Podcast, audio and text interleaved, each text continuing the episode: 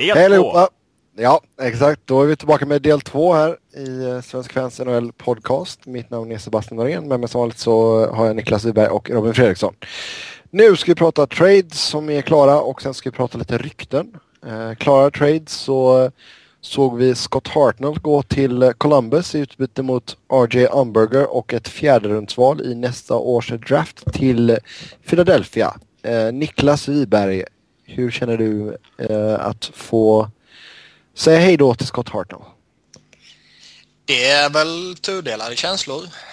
Um, å ena sidan så kortsiktigt skulle jag nog hävda um, Sen ska man väl alltid ha lite viss reservation för vad som kan hända de närmsta dagarna och in i free agency och så här.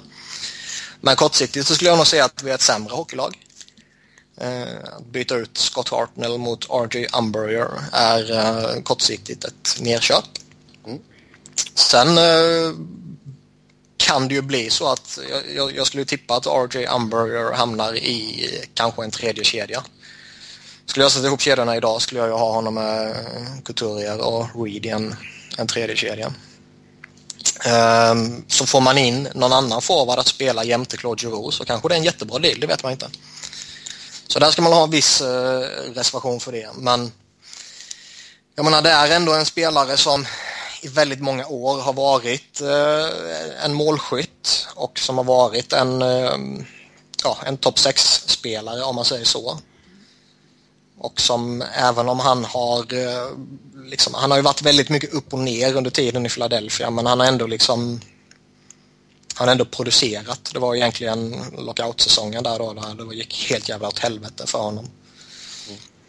Men han har ju efter den här succésäsongen eh, 11-12 med 37 baljor så har han ju inte nått de nivåerna någon gång igen. Han har ju inte ens varit i närheten av det.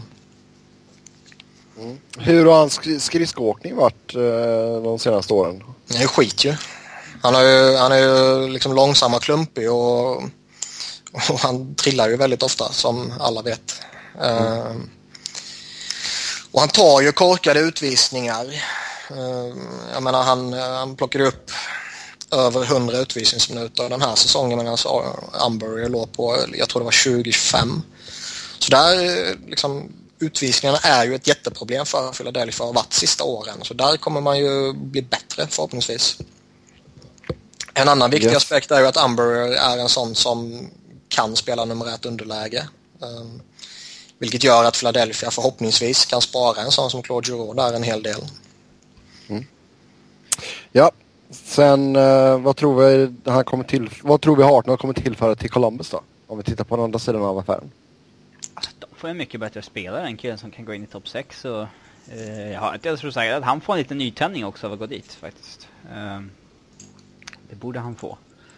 Ehm, nej, jag, jag har svårt att se riktigt vad, vad Philly tjänar på det här.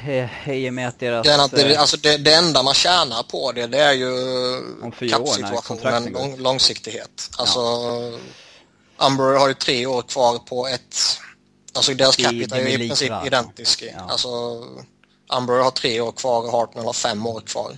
Um, funktionen det fyller det är väl liksom att de här... eh, Säg kanske att Hextall vill bygga från draften och vinna om ett par år snarare än att det här Ed Schneider-tänket att man ska satsa varje år. Ja.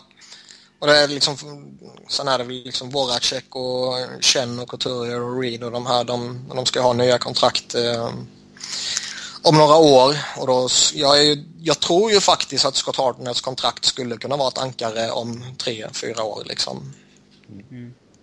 För han Ja. är lite på nedgång liksom.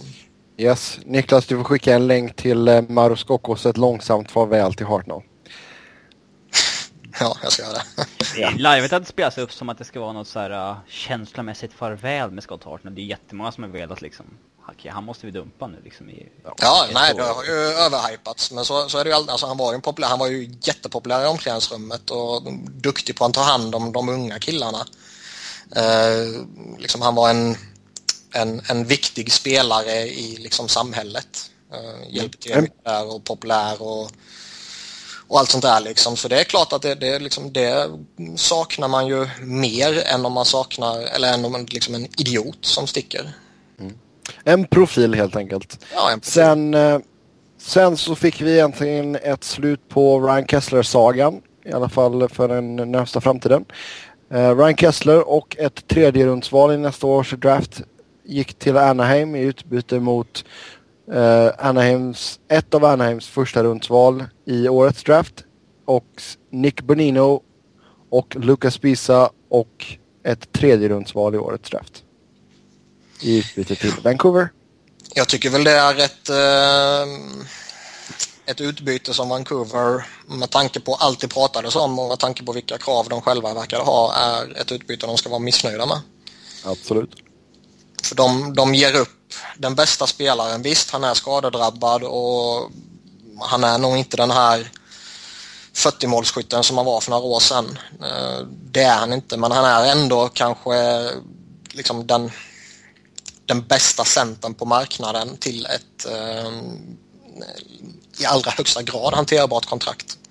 5 miljoner för honom om han håller sig skadefri och producerar är ett fynd ju. Så man ger, Ja, man, alltså.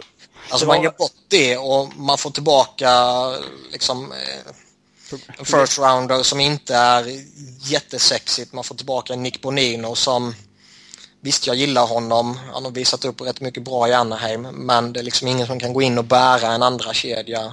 Han gör det inte idag och han kommer nog inte göra det om två, tre år heller.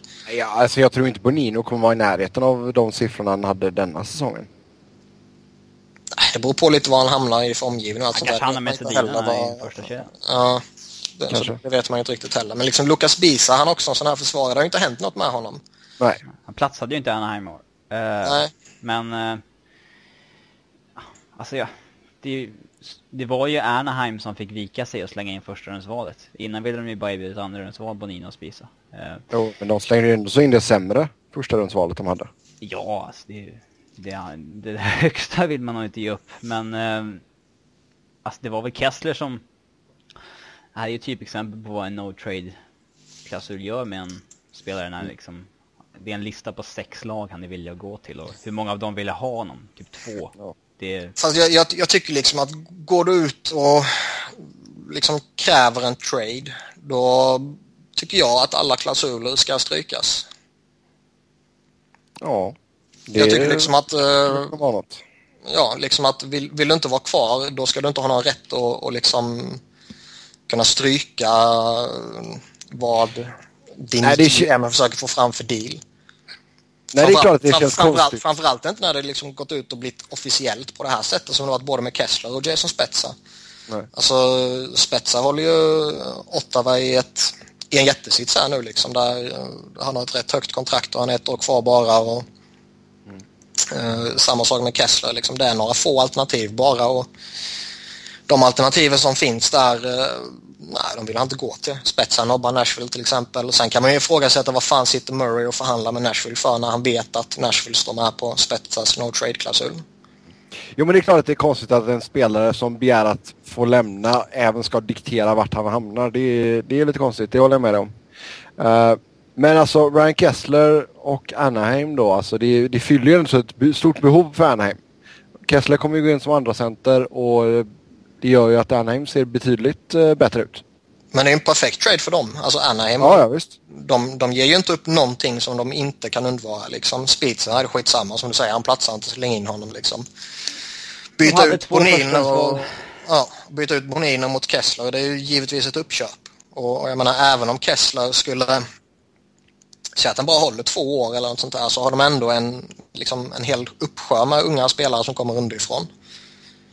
Så även om det är en kortsiktig lösning behöver inte det innebära några problem för dem heller. Ja, sen eh, så såg vi Jason Garrison, Jeff Costello och ett sjunde rundsval i nästa års draft gå till Tampa Bay i utbyte mot Vancouvers andra rundsval i, som var i årets draft. Vem tog man med det valet? Fan vet jag. Ja, vadå, får jag, Go fucking Ja. google it. ja, jag får ta och göra det. Det var Jared McCann som var på det valet som de fick uh, Kessler-dealen i alla fall. Jag eh, skulle vilja säga att det här är en riktigt bra deal för Tampa Bay. Ehm, Ja, får, får du liksom en bevisad NHL-spelare som inte är lastgammal för en second rounder så är det en bra deal. Uh, Costello sjunde rundsval är liksom, ja det rycker man på axlarna åt. Men Garrison är ju ändå en Topp en 4 back. Ja, en topp 4 back och liksom jag, jag har ju svårt att tänka mig att man skulle kunna få en en bättre eller lika bra back eh, på ett sånt kontrakt som han har eh, på Free Agency. Vi kan ju säga snabbt då att Vancouver tog eh, Thatcher Demko. Ja. Boston, Boston College-målvakten som har varit riktigt bra. Eh, men det är ju, lär ju nog dröja många år innan vi ser honom i NHL. Jag vet inte ens om han spelar ännu någon gång. Det är, det är ett Mm. draftval helt enkelt. Men alltså, ja, Garrison det är ju... Nu var det väl visserligen så att han hade en full no trade och ville väl, han ville väl bara tillbaks till Florida. Eh, Tampa eller Florida liksom. Eh, men ja, det är sådana här tillfällen man sitter och sliter sitt hår över att Colorado skickar ett andra val mot en målvakt som på sikt kanske kan bli en andra målvakt. Eh, när man kan få en legitim topp 4-back som spelar på vänstersidan för det. Eh, ja. Så att det... Ja. Ja. Ja. Vancouver fortsatte och var aktiva. Man eh, tradade till sig Derek Dorsett eh, från New York Rangers i utbyte mot ett tredje rundsval i årets draft. Ja, genial eh, trade för Rangers. Den jävla idioten. Jag är jävligt glad att slippa honom i Eastern Conference i alla fall. Skicka bort honom till västkusten kan, kan han sitta där. Ja, Robin, har du några snällare ord att säga? ja. men det är väl inga spelare som man ska tycka om. Det är väl liksom... Det är hans, som är hans jobb eller syfte. Eh, Hans purpose Bäst. i livet. Att vara idrott. Men... Ja men det är väl en kille som är skön att ha en... Bottom six som stökar. Nej, för fan. Ja, eh, vi kan ju säga att New York Rangers valde Keegan Iverson från Portland eh, Winterhawks. Med det valet. Eh, James Neal. eh, The real deal! Rem, lämnar Nashville, eller lämnar, lämnar Pittsburgh för Nashville i utbyte mot Patrik Hörnqvist och Nick Spalling. Spalling! Ja. Spalling, är han RFA i år eller? Ja, det... Mm. Ja. Jag tycker det är en lite märklig deal liksom. Att jag kan förstå att man som ny GM i ett eh, stjärngäng som eh, liksom Alltså det, det är ju Stanley Cup-seger eller misslyckande och uppenbarligen har de misslyckats nu i rätt många år. Eh, Så jag kan förstå att man som ny GM och vill skaka om lite och göra något byte så här va men jag tycker samtidigt att man bör kunna få ett bättre utbyte för en spelare som James Neal. Speciellt när man shoppar honom som man gjorde. De snackade ju med 15 lag säger de. Eh, Mm. Det bästa man kunde få var Patrik Hörnqvist och en kille som har gjort 30 poäng. Eh, Mm. Alltså jag, jag, jag tror att Hörnqvist kan fylla en väldigt stor funktion i Pittsburgh för jag tycker liksom den här ja. de, de, de skräpmålen som han gör framförallt liksom parkera arslet framför mål i, i powerplay den, den spelaren har de tycker jag saknat som är riktigt, riktigt, riktigt duktig på det. Så jag tror att han kommer fylla en funktion givetvis men James Neal är ändå en naturlig målskytt. Han har varit uppe på 40 baljer liksom. Man vet Ehm, att han har kemi med både Crosby och Malkin. Eh, Ja, och, och liksom jag... Nej, jag, jag har svårt att se liksom varför man gör det här. Sen om man tittar rent produktionsmässigt och om man leker med att James Neal på en bra säsong kanske gör en poäng per match. Så det kompenseras nog av Hörnqvist och Sparling tillsammans. Eh, där, där är jag väl inte orolig om jag skulle varit Pittsburgh-supporter. Däremot så anser jag ju att James Neal har den, liksom det högre taket och är den här naturliga matchvinnaren och bästa spelaren i dealen. Bästa spelaren i dealen och liksom kan göra mål från ingenting egentligen med tanke på det skottet han har. Eh, Men alltså sen, alltså om man tittar på lönerna också. Det var inte så att... nej, de tjänar ingen lön på det. Nej, nej. Det gör de inte. Eh, men eh, det ska bli väldigt... Nu är ju visserligen inte Nashville det Nashville de har varit i några år, men det finns fortfarande ingen center där av Malkin och Crosbys nivå. James Neal kommer få spela med typen Mike Fisher. Och vad kommer det... Liksom, jag, jag tror inte han kommer närma sig 40 mål då. Nej. Eh, Eh, ni och ska få tippa... Hörnqvist. Ja, jag Hörnqvist, ska han säga det. Kan ni ska få tippa hur många mål Hörnqvist gör den här säsongen? Förutsatt att- att han är frisk hela säsongen då. 32. Okej. Eh, 27. Men, men snubben Okej. gör ju liksom, snubben har gjort över 30 en gång och varit pålitlig bit över 20 flera säsonger i rad i ett Nashville utan en bra center och i Barry Barry Trotz Trotz. system. Eh, så att jag unnar verkligen han chansen att gå till ett offensivt lag och få spela med en eh, bra center. Det, Sen Det- blev det här laget bra. man har ju lekt med tanken med Detroit ett tag liksom när de tappade Holmström att de ville ersätta med liksom, ja, den nya Holmström så att säga. Eh, mm, men ja, det, det ska bli, jag, jag har under flera år liksom velat se honom i ett offensivare lag. Och det ska bli kul att han får den chansen. Eh, Framförallt det blir skoj att han får den när han fortfarande är relativt ung. Han är bara 27 bast. ja, han kan ju Men han har ju väldigt många framgångsrika år framför sig egentligen. Ja, av det jobbet han har så kan han ju, alltså han kan ju göra samma sak länge. Han lever ju inte på en speed eller sådär. Så att, eh, Nej. kollar man på så här heatmaps över vart James Neal och Hörnqvist har gjort sina mål och haft sina avslut så är ju Neal är lite överallt i offensiv zon med direktskott och sådär medan Hörnqvist är ju nästan uteslutande runt kassen som han köttar in ja, styrningar framför mål och sådär. Det, det ska bli det ska bli riktigt kul att se honom i Pittsburgh faktiskt. Yes. Ja, sen så eh, såg vi Toronto göra en deal med St. Louis. Roman Polak går till Toronto och i utbyte så fick St. Louis Carl Gunnarsson och ett fjärderumsval. Plus, plus att Toronto behåller 200 000 dollar av Gunnarssons cap hit. En Ja. jättekonstig deal. Jättekonstig, absolut. Ja, Carl Gunnarsson har visat att han kan spela tuffa minuter eh, i Toronto eh, och göra det bra. Eh, de, alltså- de säger väl att det är att Paul Ake är en kille man liksom han pays the price och lite så här klyschor liksom snackar Ja, jo men alltså det är Eh, det att han köttar lite mer, han är mer fysisk och det verkar ju vara det som. Toronto vill ha in. Alltså de, de snackar ju lite också om att de, vill, de, de känner ett behov av att byta ut en uh, vänsterback Vänster- mot en högerback. Liksom. Ehm, och visst, det, den, den argumentationen kan man ju alltid få att låta rimlig och jag säger ju givetvis inte att de har fel i det. Nej, Men man, ger man bort man en bättre man- back Nej, man det inte kompensera med draftval och behålla lön. Nej det var jag tänkte säga, man ger bort den bästa spelaren, man slänger in en draftval och så behåller man lön också bara för att man vill byta ut liksom positionsmässigt. Det, det känns jävligt, ehm, Suspekt. jävligt amatörmässigt. Hade nästan varit bättre att ge Gunnarsson en högerfattad klubba bara. Eller sätta honom på andra kanten. Bara, nu, nu är du högerfattad, bra. Nej men det är väldigt konstigt men eh, Liksom de snackar, de snackar lika nu att de vill ha tillbaka Leon van Öft till vänstersidan liksom, att inte tvinga han spela på högersidan. Och, Men han vill ju spela på höger sida. ja, vill Carlisle det då? Ja, men vill... Jag skulle inte för- sätta någon... För om han känner sig mer bekväm på ena sidan än andra skulle jag inte vilja skapa ännu mer problem där. Eh, Nej, men Carlisle, alltså vi pratade ju lite tidigare här om att vissa coacher och GMs är konservativa. Carlisle känns ju definitivt som en av dem. vissa är dumma i huvudet helt enkelt och Karla är en sån. Så att, eh, Ja men sen alltså. Om vi, vi kan smyga in lite på nästa segment här med rykten. Alltså blir Fenoff ens kvar i Toronto? Det tror jag. Jag tror att de kommer kräva för mycket på honom. De, liksom, det kommer inte vara... Det kom, visserligen hade det varit korkat att trada bort honom och det låter ju som något liv skulle kunna göra. Men...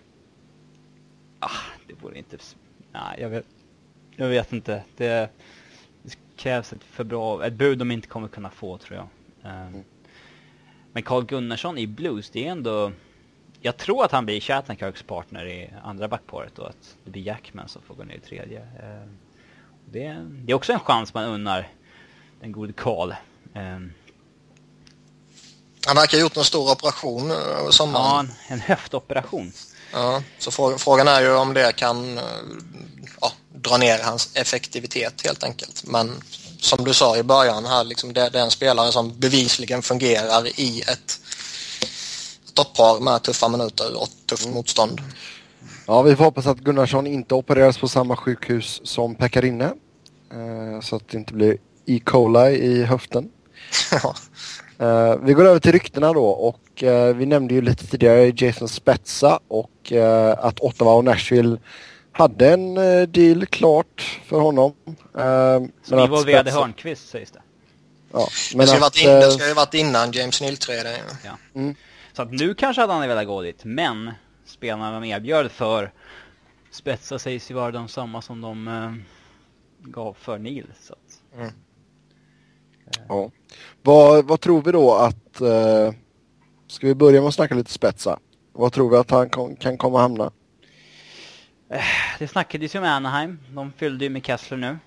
Mm. Uh, så jag, vet, jag har inte exakt koll på vilka lag som har läckt ut så att han definitivt inte vill gå till. Det är väl kanadensiska lagen och Nashville som man vet om att han inte vill gå till. Ja, lite Sabres och lite Islanders och generellt, ja, gen generellt sett skräplagen och ja. kanadensiska lagen. Men samtidigt så vill han ju uppenbarligen inte vara i ett lag där han får skulden när han förlorar sägs det. Så att, eh, då kan han ju inte gå någonstans och bli första center för det är en del av jobbet att säga då. Ja. Eh, och ja, jag vet inte vart han vill hamna då även om det är låg lön på det här kontraktet så är det ganska få som har löneutrymme för 7 mil på honom. Ehm, även om man såklart ger upp någon lön när man byter till honom också. Ehm, mm. Men eh, nej, alltså det kommer nog inte hända mycket kring han. Det, det vi har hört är ju att, liksom, att det är inget bud som har liksom varit bra på spets. Det är ingen som har varit speciellt het på honom. Jag, jag har ju svårt att se att något lag som har, eh, liksom, om man säger topp-topp-ambitioner eh, går efter spetsa innan man ser vad som händer med Stasny. Ja, exakt. Liksom det pratas lite, ja, Chicago sägs göra sig av med, eller vilja göra sig av med lön för att eh, kunna skapa utrymme för Paul Stasny. Och liksom säg att de lyckas göra sig utrymme så liksom kommer Stasny så då ser inte jag många alternativ för spetsa heller. Eftersom de givetvis inte kan ta in båda två. Alltså det... Och då är liksom frågan, kan ett lag som Capitals vara intresserade av en ny toppcenter liksom? Eh, jag har svårt att tänka mig det. Ehm, och vill han ens gå dit liksom? Vad skulle man mer kunna hitta? Alltså de här liksom... Alltså han, Montreal skulle ju säkert gilla men han vill ju inte gå dit. Uh, där skulle han ju vara i spotlightet rejält. Eh, jag vet inte. Det, det, kommer väl bli så förr eller senare att han, när liksom training camp börjar och han fortfarande är i Ottawa, då kommer han tvingas inse att han måste ja, släppa på alla no trade-klausuler helt enkelt och liksom Ja, alltså det är bara ett år kvar på det jävla kontraktet. Om man går någonstans där han inte vill vara i ett år, det är väl så farligt är inte det. Alltså, Nej. Om man, om, man, om man nu är så desperat att lämna Ottawa. Ja, exakt. Vilket han, nu måste han väl nästan löpa linan ut med det. Han kan ju inte backa nu. Fast det, det, det går ju lite snack, liksom har han, har han egentligen eh, liksom bett om trade eller har han bara sagt att okej, okay, om ni bestämmer er för att gå i en ny riktning så kan jag tänka mig att lämna. Ja, sa inte de att han hade bett om en trade? Ja, det, om, om liksom snacket som går är lite att eh, Ottawas version är som du säger medan eh, versionen som kommer lite från Spetsas håll är mer åt att de satt i ett möte, började prata lite om framtiden. Spetsa säger att eh, om ni liksom vill börja bygga nytt och, och sådär så är det kanske bättre att ni gör det utan mig. Mm. Och, och, jag skulle liksom i så fall inte stå i vägen för liksom en, en trade. Så att det, det kan man ju vrida till, till höger och vänster. Och liksom, är det att be om trade? Ja, det är det kanske. Men gör man det rent officiellt? Nej, det gör man kanske inte. Nej. Nej, det, det kan ju vara så att han har sagt också att jag kommer inte att skriva nytt kontrakt med er. Det, det, vet man ju aldrig. Uh, vad tror vi då om eh, Nashville? Kommer man att kunna hitta en, en första center? Alltså det, nej, jag har svårt att sen tänka mig liksom att de, eh, de namnen som figurerar i ryktena här att de går till, eh, till Nashville. Alltså Spetsa vill ju uppenbarligen inte. Uh, Stasny tror jag inte går dit. Tittar man vad mer som eventuellt finns och Joe Thornton fan ska han lämna San Jose för att gå till Nashville för liksom? Mm. Så de, de här namnen tror jag inte är eh, liksom något, som- något som man ska hoppas på. Sen är frågan liksom, vill de ta tillbaka en legwand? Um, är Olli Jokinen någonting för dem? Eh, ja, exakt. Åh fy. liksom, eh, så jag, jag tror väl att de kanske får ta en chansning på en Mike Ribeiro i så fall om de ska hitta någon UFA. Ja, men alltså det vi... vi måste- kom- Ja, alltså det... kanske. Grabowski, ja varför Mm. inte. Men alltså det, vi måste ju ändå komma till konsensus här att Mike Ribeiro är ingen första center. Nej, det är klart han inte är det om man tittar på vad en första center generellt sett ska göra det. Men eh, De måste ha någon som kan eh, spela fram Neil. Ja, sätter man in honom i Nashvilles lag så blir han ju den bästa centern. Offensivt. Ja. Ja. Nu har de ju gjort den här kulturförändringen liksom när de har tradat till sig Neil och de börjar drafta massa offensivt skickliga spelare så här Kevin Fiala och sådana där. Så att, eh, Plockat in Laviolette som är liksom, mm, finns, finns bara en riktning där. Framåt! ja då måste de ju i alla fall ha en första center som har huvudet i offensivt zon. Ja, eh, på tal om Nashville så eh, sägs man överväga en trade av Michael Del Soto. Och eh, vad kan det finnas för eh, intressanta parter där? Jag tror vem som helst kan väl vara intresserad egentligen om priset är rätt. För det finns ju så... Det borde ju finnas ett högt tak på honom någonstans. Alltså...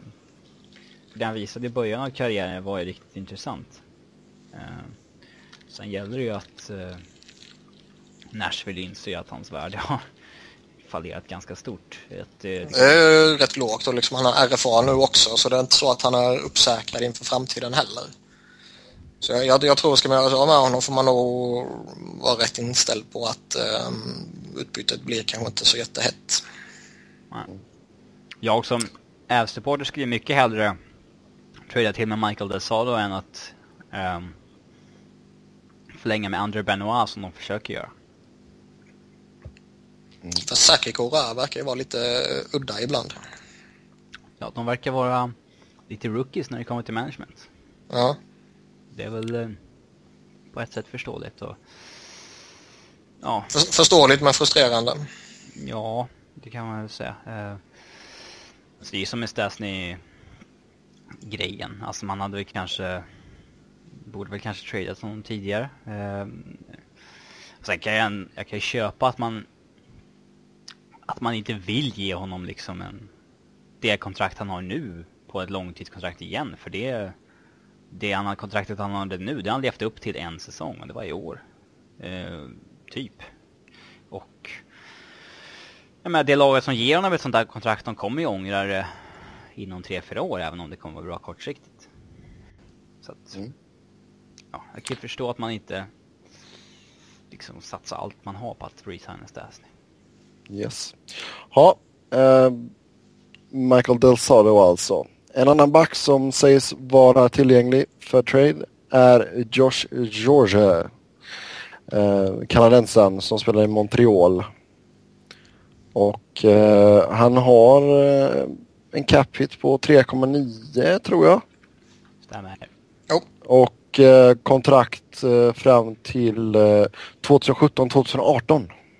Han fick ett riktigt långt top 4-kontrakt typ. Eh, Sen, ja men det är väl en, alltså, jag är lite förvånad att de hoppar honom så här. Alltså det, det är en kille som har visat sig kunna spela med Subban. Sådär, så att det, Jag tycker det är en bra defensiv skugga och en viktig spelare för dem. Eh, alltså enda rimligheten jag kan hitta det är väl eh, ifall liksom Subans kontrakt eh, kommer bli så pass jobbigt och man känner att nej, vi kan inte lägga så mycket på, på liksom fyra stycken backar. Att han Ja, alltså på, på tal om Subban där, alltså, vad, vad tror ni hans kontrakt kommer landa på egentligen? 7,85 kanske? ja, åtta plus minus några hundratusen. Och eh, sju år, eller? Maxlängd tror jag. Åtta. Mm, åtta. Åtta. Ja, just det. Åtta i och med att han... Ja, det stämmer. Mm. Ja, Men det är sen, liksom det och de har en del unga backar på uppgång också. Så. Vi snackade om deras cap-situation för några, några avsnitt sen när det liksom det kanske inte var så smart att signa Michael. Eh, för att det skulle ställa till problem. Men nu har de gjort det, då kanske någon annan måste flytta på. Och det, det är väl det. yes. En sak som är logisk är ju att Avs letar efter en vänsterfattad back. Montreal har varit intresserade av Parento som Avs försöker göra sig av med. Alltså jag hade tyckt att det var ganska fair straight up byte. Kommer se, kommer se. Uh, ja, det är i och för sig sant. Vi får se vad som händer där. Uh, ett lag som har det tight mot eh, uh, capspacen är ju Boston. Och uh, vad tror ni om deras chanser att uh, resigna Jerome Eginla? De är väl nog så nära noll det bara kan bli just nu tror jag. Man luras ju lite eh, i och med att de ändå Savard, har, ja. har Mark Savard och samma sak man luras lite Philadelphia. De har ändå Chris Pronger som de kan öppna upp lite, lite yta med då ju. Men eh, Riley Smith ska ju ha ett bra kontrakt. Torrey Cruz Ja. ska också ha ett bra kontrakt. ja, jag tänkte säga det liksom den, den, den platsen man kan öppna upp med Mark Savards eh, pengar eh, kommer väl troligtvis fyllas av de två. Plus det lilla utrymmet man har kvar fortfarande. Det är ju bättre att ha de två, alltså det är ju framtidsspelare på ett annat sätt. Eh, nu Ja. när man gav upp Sagan också, att den core man har, de börjar bli lite, de börjar närma sig 30. Så att man får inte liksom offra en Riley Smith för liksom en Ro- Jerome Ginla. Det, Alltså, ry- ryktet som går är väl att det kanske i så fall är en Brad Marchand som man offrar. Men det skulle jag väl också säga liksom, okej ska man verkligen ge upp en uh, ja, 26 eller något sånt där som ändå är Visst det är ett jävla svin men han är ändå effektiv. Uh, Ska man verkligen ge upp en sån spelare för en Iginla som man ja, kommer man få ut två bra år av honom igen liksom? om man har tur. Han kanske Ja. får ett fall i år. Det är en annan kille som har varit en power forward under en, under en längre tid. Den där kroppen, ja, alltså han har ju liksom anpassat, han har hållit sig fräsch och fit men den är en kropp som man vet har tagit en del stryk. Det är en Ja. lång, lång NHL-karriär i den där ryggen. Eh, Så är det. Sen kan man också argumentera på det sättet liksom att okej, de har ett den och köra. Eh, hur stort är deras fönster att vinna? Eh, Är det mycket större än två, tre år innan köra eh, liksom ja, slutar eller blir sämre eller vad det nu skulle kunna vara liksom. Och tappar man honom, visst man har Doggy Hamilton, man har Tory Krug, men tappar man Sten och Chara så eh, man gav bort Tyler Sagan så man har ju, man har ju, det där fönstret längre fram är ju borta. Mm, lite så. Så man skulle ju kunna föra rätt så vettiga argument för att de liksom kortsiktigt ska gå för att vinna. Nej, jag Sen- tycker fan inte att det hade inte varit... Nej, jag hade nog... Det är nog dags att släppa Ginla. Alltså det är... Jag skulle släppt honom, Ja, men, det, men som det sagt... smärtar ju eh, att göra, ja, hade jag gjort. Men det... För att han passar in så jävla bra där. Det. Men... Nej, det är liksom... De har ändå en Louis Eriksson som var nedknuffad i en tredje line. Det, de behöver inte ersätta honom ändå med någon ny topp 6 forward utan det var liksom ge Louis chansen. Så. Mm. Eh, Man får anpassa sig efter hur mycket pengar man har att jobba med helt enkelt. Och det, där kommer inte en Ginla in. Och det hade ju varit en Nej. intressant spelare om han hamnar på marknaden. Det hade ju Mm. återigen en spelare jag gärna hade signat. Eh, och han och Joe Sakic är bra polare så att... Mm, vi får se vad som händer där. Det var ju tur att man eh, fick eh, Niklas Svedberg till 600 000 dollar. Spara in lite pengar där. Eh, nej men alltså man har ju, alltså om vi tittar på Boston här, alltså man har ju fem stycken RFAs i eh, Justin Florek, Riley Smith, Jordan Garon, or Karen, uh, Tory Krug och Matt Bertkowski. Bartkowski är väl kanske någon de måste dumpa mot... Eh, något Det har de försökt göra nu flera gånger om ju. Ja. Det är väl ändå Sen någon vet- som det borde finnas intresse för. Alltså för draft pick bara någonting. Ja, Jag tror Sen, sen har, jag, nu vet inte jag hur det funkar med de här med bonus overages och allt sånt där. Är det någonting som Boston kommer åka på det kommande Ja, de säsong? har ju åkt en de har åkt på flera miljoner för det. Eh, med tanke på... 4,75 miljoner i bo, alltså dö capita i straff. Dö capit? Ja, okej. 4,75. Ja, så Det är det, mycket. det, Det Detroit är Ja, alltså- på... Detroit har strax över tre i straff. Ja. Och vi kan säga det att Mark, Mark Savards kontrakt är på drygt fyra. Ja. Eh, och det kommer man ju eh, ta bort då med long, long time injury reserve. Men eh, Niklas, jag håller med dig. Deras fönster för att vinna är inte särskilt långt. Tror inte jag. Nej, Det är det, alltså- liksom, man, man får ju avväga. Ska, ska man offra långsiktighet för att kortsiktigt försöka vinna en kupp eller två liksom, så länge man har Chara som liksom, han är fortfarande en toppback i ligan även om han börjar vackla lite här och där. Man gör ju sitt fönster ännu kortare om man offrar en Rodgers Smith för en. Ja, ja. Ja, ja absolut. Ja, eh, sen eh, det har ju varit eh, snack ganska länge om att Chicago är på jakt efter en eh, andra center. Och eh, det sägs att man vill skapa löneutrymme för att signa på Stasny. Och eh, är det rätt eh, väg att gå för Chicago, Robin? Nej, det tror jag inte. Eh, han har ju sagt till lagen att eh, om han inte ska signa i Colorado så tänker han inte ta någon, eh, någon eh, discount från... eh, han tänker inte gå ner i lön mot vad han hade helt enkelt, på 6,6. Så att... eh, och även om han signar på just 6,6 så tror jag att det där är ett kontrakt som kommer bli fruktansvärt jobbigt för Chicago. Och det kommer bli jobbigt tidigare än det kommer bli för andra lag i och med att eh, Taves och Kanes kontrakt går ut nästa sommar och vi har ju alla hört rykten om vad de hade för krav. Eh, deras första, vad de bad om när förhandlingarna började. Eh, Var det 10? 12. 12? Ja. Eh, så Fast att- det är i lön då, inte i capita. Ja, jo. Nej, alltså. Nej, eh, men det är väl troligt att de blir spelare som kommer ligga på över 10 mil i capita. Eh, Ja, alltså det, an, antingen är det ju de två eller så är det ju Steven Stamkos som blir första spelaren över 10 miljoner. ja. Eh, och jag menar, ja, det går inte att få in Paul Stastny då. Alltså jag fattar inte hur det, hur det ska gå. Man, må, man måste ju offra en Patrick Sharp till att börja med. Man måste ju dumpa en Johnny Odoja. Eh, man kanske måste släppa Mikael Rotsval och så här och, och liksom verkligen, verkligen, verkligen fylla laget med billiga kontrakt. Sista backparet får inte tjäna mer än miljonen. Sista två kedjorna får absolut inte tjäna mer än miljonen. Pittsburgh-tänk helt enkelt. Mm. Eh, men eh, nej, jag, jag ser inte någon... Man skulle ju få off... Man kommer redan få offra så mycket av sin bredd för Taves och Kane. Man skulle ju få offra ännu mer om man tog in Stasny. Så jag, jag ser inte logiken i det. Nej. Vem ser du då som en bra fit för andra centerspositionen i Chicago? Toivo Teravainen. Är han redo för det då? Nej, men jag menar är han ett år ifrån så ska man inte fucka upp hela sin kappsituation. Det ska vara om man kan få en Brad Richards på ett år. Mike Ribeiro på ett år. Derek Roy på ett år. Någon sån där som... Derek Roy.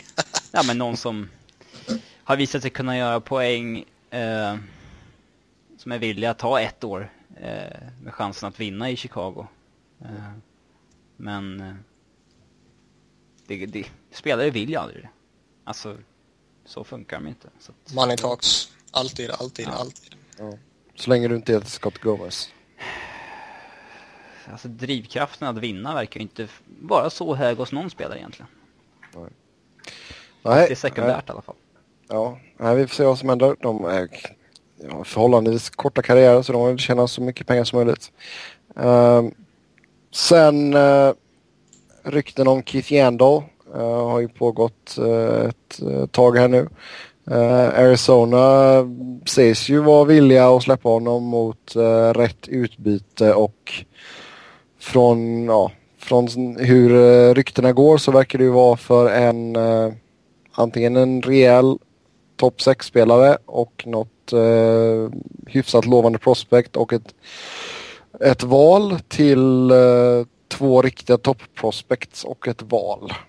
Och eh, alltså vilka lag tror ni kan vara sugna på eh, Keith Yandel? Jag tror väldigt många lag skulle vara sugna på spelaren Keith Yandel men jag tror väldigt få lag är intresserade att eh, betala priset som Coyotes verkar vilja ha. Det hoppet är ju att, alltså Coyotes shoppar jag honom som att det är en, liksom en topp, toppback. Eh, många lag vet att det inte är en toppback, men de lagen som kanske får för sig det kommer ju eventuellt att... Eh, ja, alltså, ja, men grejen är så här, vi vet alla att han är då, eller dålig, hyfsat ja. dålig. Han är dålig i egen zon, han är inte bra i defensiven, men det är en så killen som har gjort... Han är tredje back i flest gjorda poäng de senaste fem säsongerna. Mm. Men han har ju varit så jäkla...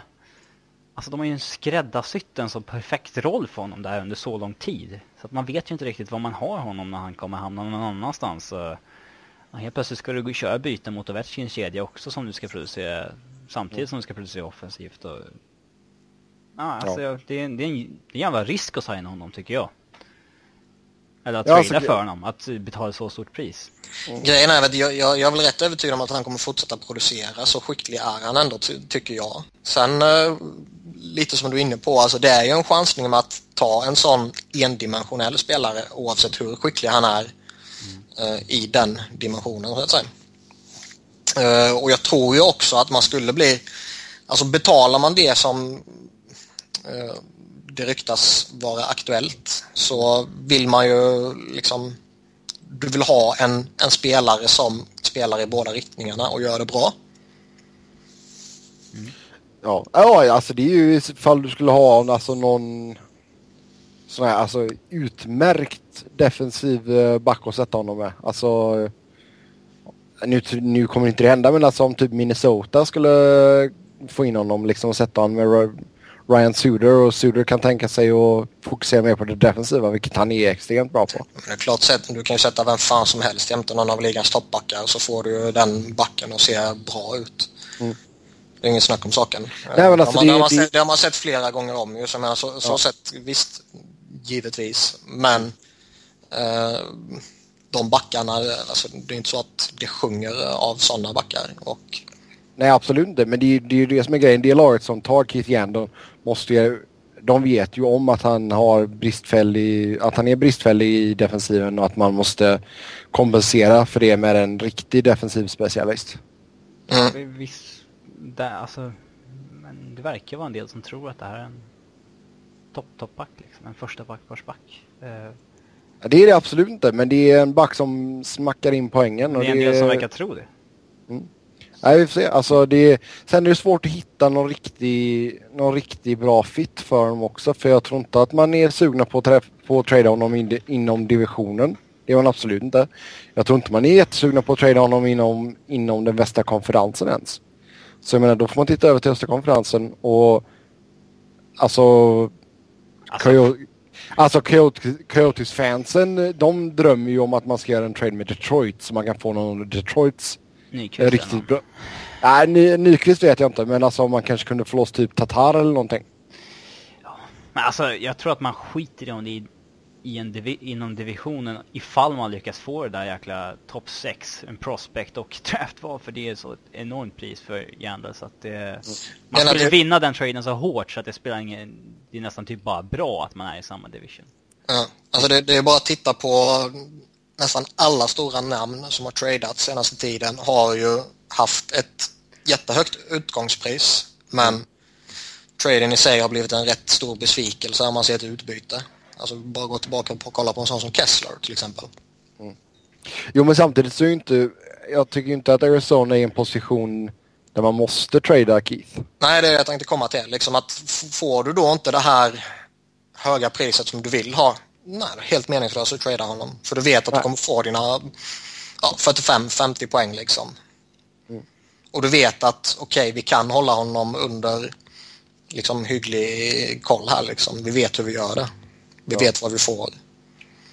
Istället för att nöja sig med ett utbyte som man egentligen inte vill ha liksom. Ja, exakt. Ja. Men hur, man är väl ändå ganska angelägen att trada honom i och med att han, han har två år kvar på kontraktet. Uh, mm. Det känns väl inte som att han resignar där om två år. Om det... Eller om Arizona ska vara så dåliga som de ser ut att vara.